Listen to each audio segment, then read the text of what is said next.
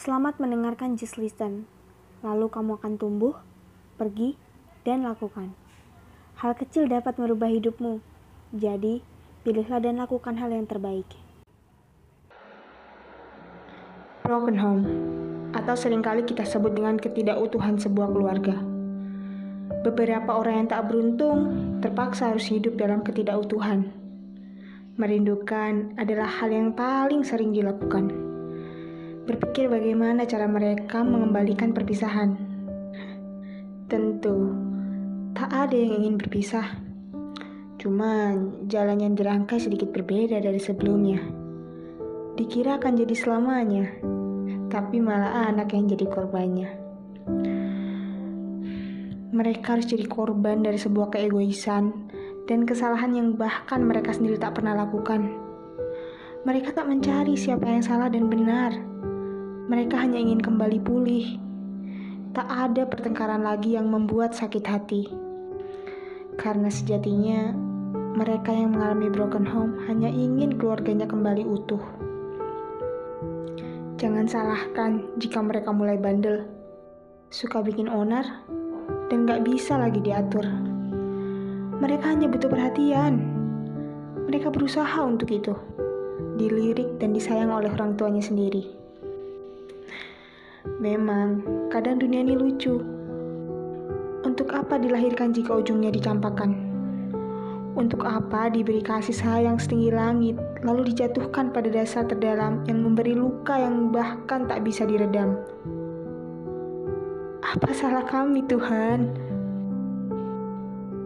Ya, mungkin tak banyak dari mereka bertanya-tanya, kenapa hidupnya dibuat dengan ketidakutuhan yang pelik, dipaksa hancur dan kecewa pada hal yang bukan salahnya. Kenapa harus sekarang? Di saat mulai menginjak dewasa, semua beban dan rasa sakit mulai terasa. Demi apa pun, lebih baik merasakan perpisahan itu sejak tak tahu apa-apa dibandingkan sekarang tahu segalanya itu menyesakan. Memang terkadang perpisahan membuat mereka depresi. Bahkan ada yang berpikir untuk bunuh diri. Karena mereka tak lagi sanggup untuk menjalani hari. Apakah salah pilihannya?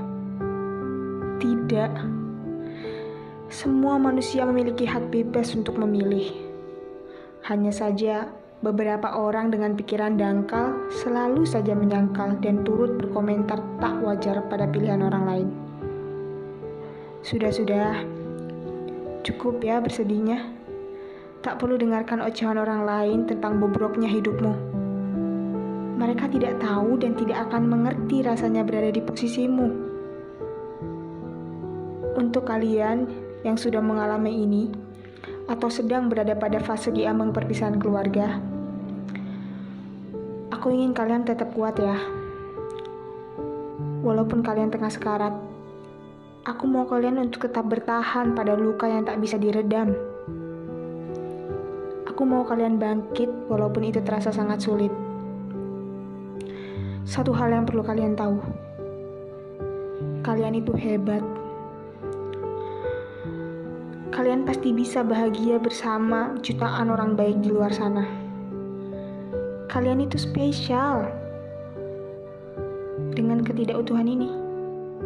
Dan tentu, kalian bisa menggapai masa depan walaupun tanpa keutuhan sebuah keluarga. Selamat untuk kamu yang bertahan sa sampai detik ini. Yang berjuang sampai titik ini.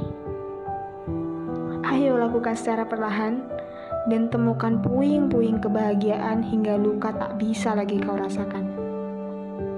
Semangat ya!